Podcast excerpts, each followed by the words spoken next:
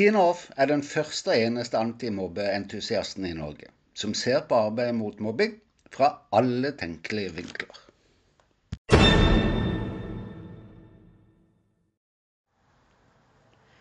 Denne uka har jeg fått meg en skikkelig på trynet. Du så kanskje lappen jeg skrev og la ut? Ja, den om foreldrene og lærere i sosiale medier for tida. At de gruer seg til skolestart pga. hverandre. Hvor gale Mathias er ikke det? Og jeg som hadde tenkt å fortelle om læreren akkurat den tida. Spenningen som vokser, nysgjerrigheten, fagnerden som våkner til liv osv. Men dette er det viktig å ta tak i. Voksne som gruer seg for hverandre, bærer ikke bud om en velfungerende mobbevakt. Kan vi snakke om begge deler, kanskje? Både ta tak og hvordan vi kan komme videre? Klart vi kan! Velkommen til episode 38. Snart er det skolestart. Jeg kjenner det på magen. Ja, for selv om jeg ikke er lærer lenger i klasserommet, er det som om kroppen fortsatt har skolerytmen inne. Den tida hvor overskuddet begynner å komme tilbake. Tankene trekkes stadig oftere mot ideer til opplegg og innhold. Å, dette kan bli kult opplegg, sier jeg litt for ofte. Og som jeg tenker på elevene. Hvordan møte de bedre, fange de og sørge for en reise de aldri glemmer. Vet du, da blir jeg vennlig påminnet om at det ikke lenger er min hverdag. Jeg er så glad jeg har beholdt denne kroppsrytmen, for den sørger for at fokuset holdes oppe, og det hjelper meg i arbeidet mot mobbing. I det å finne enkle løsninger på en situasjon som kan virke så komplisert. Og så holder det meg skjerpa i møte med foreldre og barn i tøffe mobbesaker. For mange av de gruer seg skikkelig. Men så sitter jeg da og scroller i sosiale medier en morgen denne uka. Og der, folkens, er det jeg leser som, skrik, som, som knivstikker hjertet. Jeg leser sitat. Jeg er lærer, prikk, prikk, prikk. Allerede etter sommerferien starta, begynte jeg å grue meg til høsten og et nytt skoleår. Jeg gruer meg for ikke å strekke til. Jeg har nye fag som skal utvikles. Det er mange nye krav i forhold til ny læreplan. Det er altfor liten tid til undervisningsplanlegging i skolehverdagen, og frykter igjen sene kvelder og en sliten kropp. Det er angsten for klager fra elever og foreldre og rektor. Dette er et utdrag fra en relativt nyutdanna lærer. Hakeslepp både av følelsen som kommer til uttrykk hos denne enkeltlæreren, men ikke minst over hvor mange som fulgte etter med de samme følelsene. Hvis du kjenner meg, vet du at jeg tenkte det er ikke mulig. Men det er det altså. Det er hjerteskjærende. Ingen trygghet, positiv selvfølelse eller opplevelse av tilstrekkelighet er å spore her. Åssen har vi kommet dit? Hva gjør at læreren kan grue seg til å by på sin fagkunnskap, være kreativ i oppleggsløsningene og i det å skape knallgode klassemiljø? Det er sikkert mange ting å peke på, men glemmer vi litt hva som er viktigst i lærerrollen når en ny lærer kan føle det slik? Ja, for det er så lett å hive ting som ønsket forbedres, over på skolen og dermed læreren. Kanskje har en presset på for mye, slik at det superduperkule ved jobben drukner litt i en jobbhverdag som kan oppleves overveldende. Jeg vet ikke hvordan du stiller deg til det, men jeg må innrømme at om læreren til mitt barn gruer seg til å møte meg, elevene og rektor Nei, det er en situasjon som ikke kan stå seg. Men hvordan, og ikke minst hvem, skal heise disse lærerne opp igjen? Og det før skolestart? Vi må ha lærerne klare for de 30 ish ulike behov og utfordringene som det innebærer. Kjempegira og med overskudd til å serve alle elevene. Ikke bakpå, ikke overkjørt. Ok, De to voksengruppene nærmest barna, altså, og de unge, gruer seg for skolestart. Bl.a. pga. hverandre, foreldrene og læreren. Hvis jeg innrømmer også hatt telefoner fra personer med rollen som ansvarlig i sommer, hva sier du da? Ja, for jeg har hatt det. Samtaler med rektorer som også føler på det å bli overkjørt. Som gruer seg til skolestart. Til sager, foreldre og lærere. I denne situasjonen, kjære venner, må vi da kunne si, uten å ta helt av, at utvikling bærer galt av sted. Nei, vi må tenke løsninger, for slik kan det altså ikke være. Her kommer noen fra meg til ulike.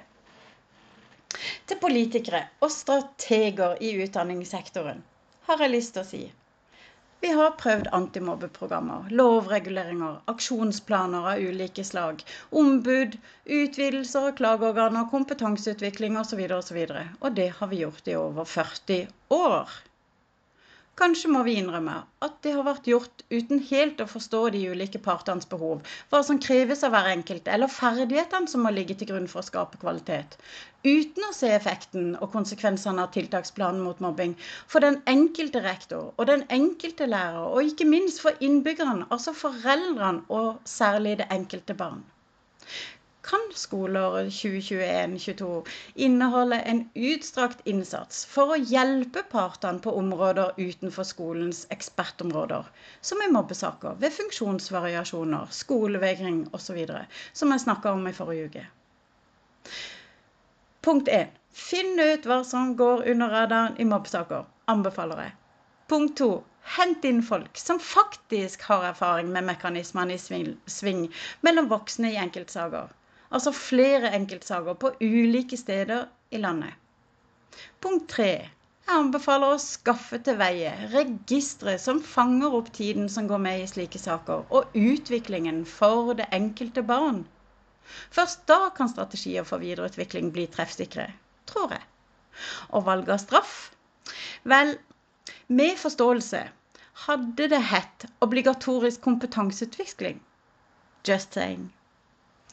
Til skoleeiere har jeg lyst til å anbefale Bygg tiltaksbank med tiltakene som faktisk settes ut i praksis.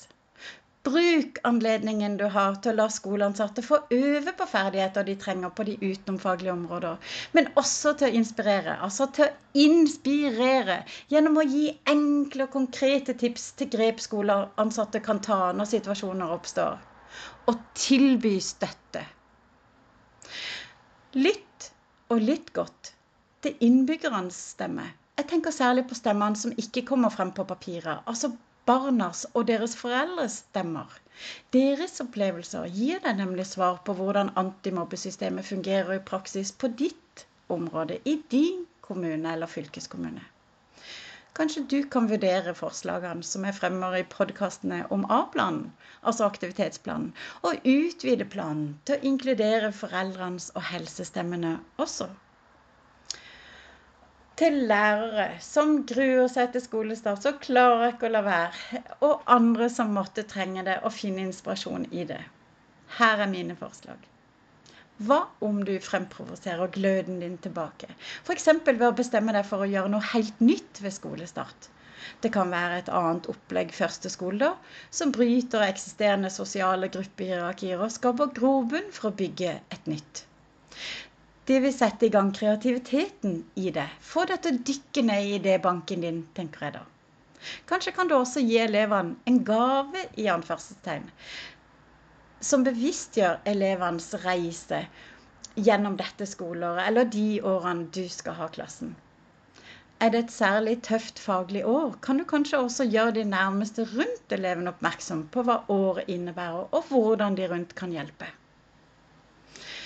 Det kan også være en idé, et opplegg eller et faglig tema du har lekt med i tankene lenge, men som aldri har blitt tid til eller anledning til å lage ferdig. Kanskje du kan lage det nå?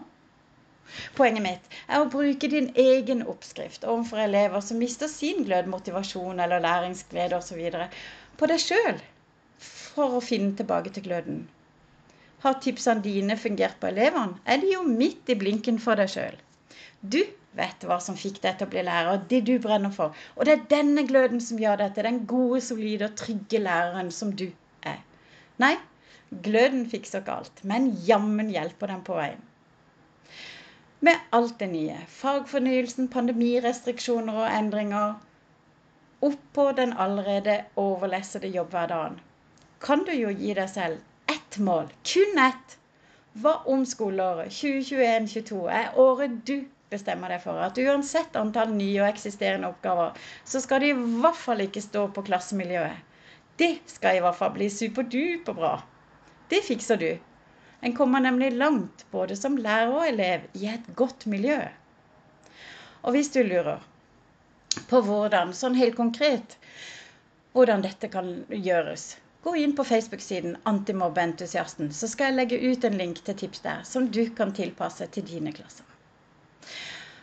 La du merke til at jeg glatt hoppa over rektorene denne gangen? Helt med vilje. Og til deg som er forelder til slutt, jeg må beklage at du er til slutt. Opp med Haga! Hold på selvtilliten din, og nyt ferien enda litt til. Du har jo fortjent den. God uke!